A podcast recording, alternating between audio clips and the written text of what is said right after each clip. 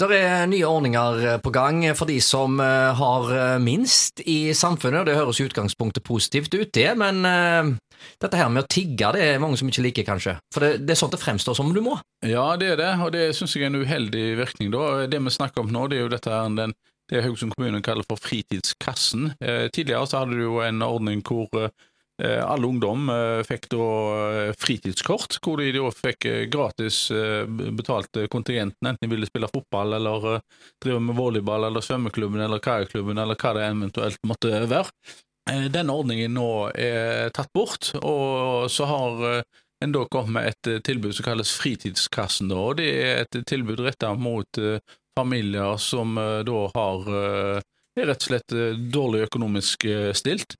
Ifølge eh, Haugesund kommune da, så er det faktisk så mye som 12% av eh, familiene i Haugesund som sliter økonomisk, som er på, nede på fattigdomsgrensa. det er jo trist at det er så høye tall vi snakker om, at folk er på fattigdomsgrensa. Men det som jeg syns er foruroligende, det er jo dette at eh, vi skal nok en gang altså få folk til å komme og bøye nakken og be om støtte til noe som egentlig burde vært gratis.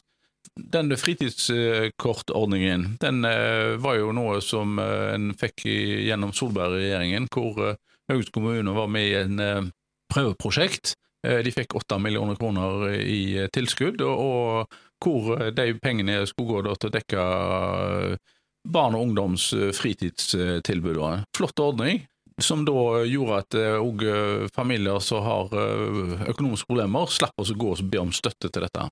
Nå er den ordningen falt bort, så nå, skal, nå har han da fått altså dette fritidskassen, og da er det at en skal da måtte be om økonomisk støtte da, hvis en ikke har råd til det. Og det, det syns jeg er nok et tiltak hvor en skal be om eh, støtte og få folk til å be av nakken eh, inne på sosialkontoret eller på Nav. Eller det, dette er jo ikke på Nav, dette er da på, på Haugesund kommune, men likevel, det fremstilles som det da. Og nå har eh, du fått en ordning eksempel med dette med eh, at du skal be om eh, bo, økt bostøtte eh, hvis du ikke greier å ta strømregningen din. nå. det er veldig mange nå som sliter med eh, å betale strømregningen.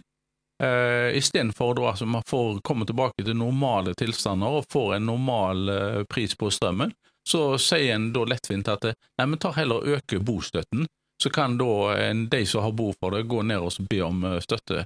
Det er en eh, vederstyggelighet at vi skal nå få eh, stadig flere folk til å måtte be om økonomisk eh, støtte, eh, da, istedenfor at vi da får normale priser på ting, sånn at folk slipper å måtte be om eh, sånn eh, støtte som dette. Men så sier de jo det at ja, men forskjellene øker, sier de, sånn at de, de rike har jo råd til dette allikevel, så det er jo ikke noe problem for dem. Ja, ja det er jo det så, det, men det er jo det, det samme argumentet som en har brukt overfor barnetrygden, er at hvorfor skal ikke barnetrygden være mer retta mot de som har behov for det, da? Men det er jo nettopp dette at nei, vi skal ha likhet på sånne ting som det, det der, da. Og når det gjelder altså, barn og unge, er, merker vi også, merker det altså at her må foreldrene måtte be om eh, støtte til eh, at de ungene kan få være med på vanlige fritidsaktiviteter som eh, alle andre. Så nå må komme eh, dessverre inn i, et samfunn nå med større og større forskjeller, og eh, jeg syns det er en eh, dårlig retning vi nå eh, går i. Så jeg syns vi burde heller prøvd å komme tilbake til det her med fritidskortordningen. Det koster rundt åtte millioner kroner. Det er i det store sammenheng med det store budsjettet til Haugesund kommune, så vi, burde vi hatt råd til eh, å overta den ordningen sjøl, syns jeg. Det er vel, vi fikk vel, det, var det 80 millioner, litt over 80 millioner Mm. kroner vi fikk i eh, aksjeutbytte fra Haugaland Kraft. Eh, Etter Haugaland Kraft hadde utplundra alle innbyggerne, så kunne jeg jo brukt noe av de pengene til f.eks. dette fritidskortordningen. Ja, det sier altså Tor Inge Vormedal, og vi er tilbake igjen med mer om dette temaet her på Radio Haugaland om få minutter.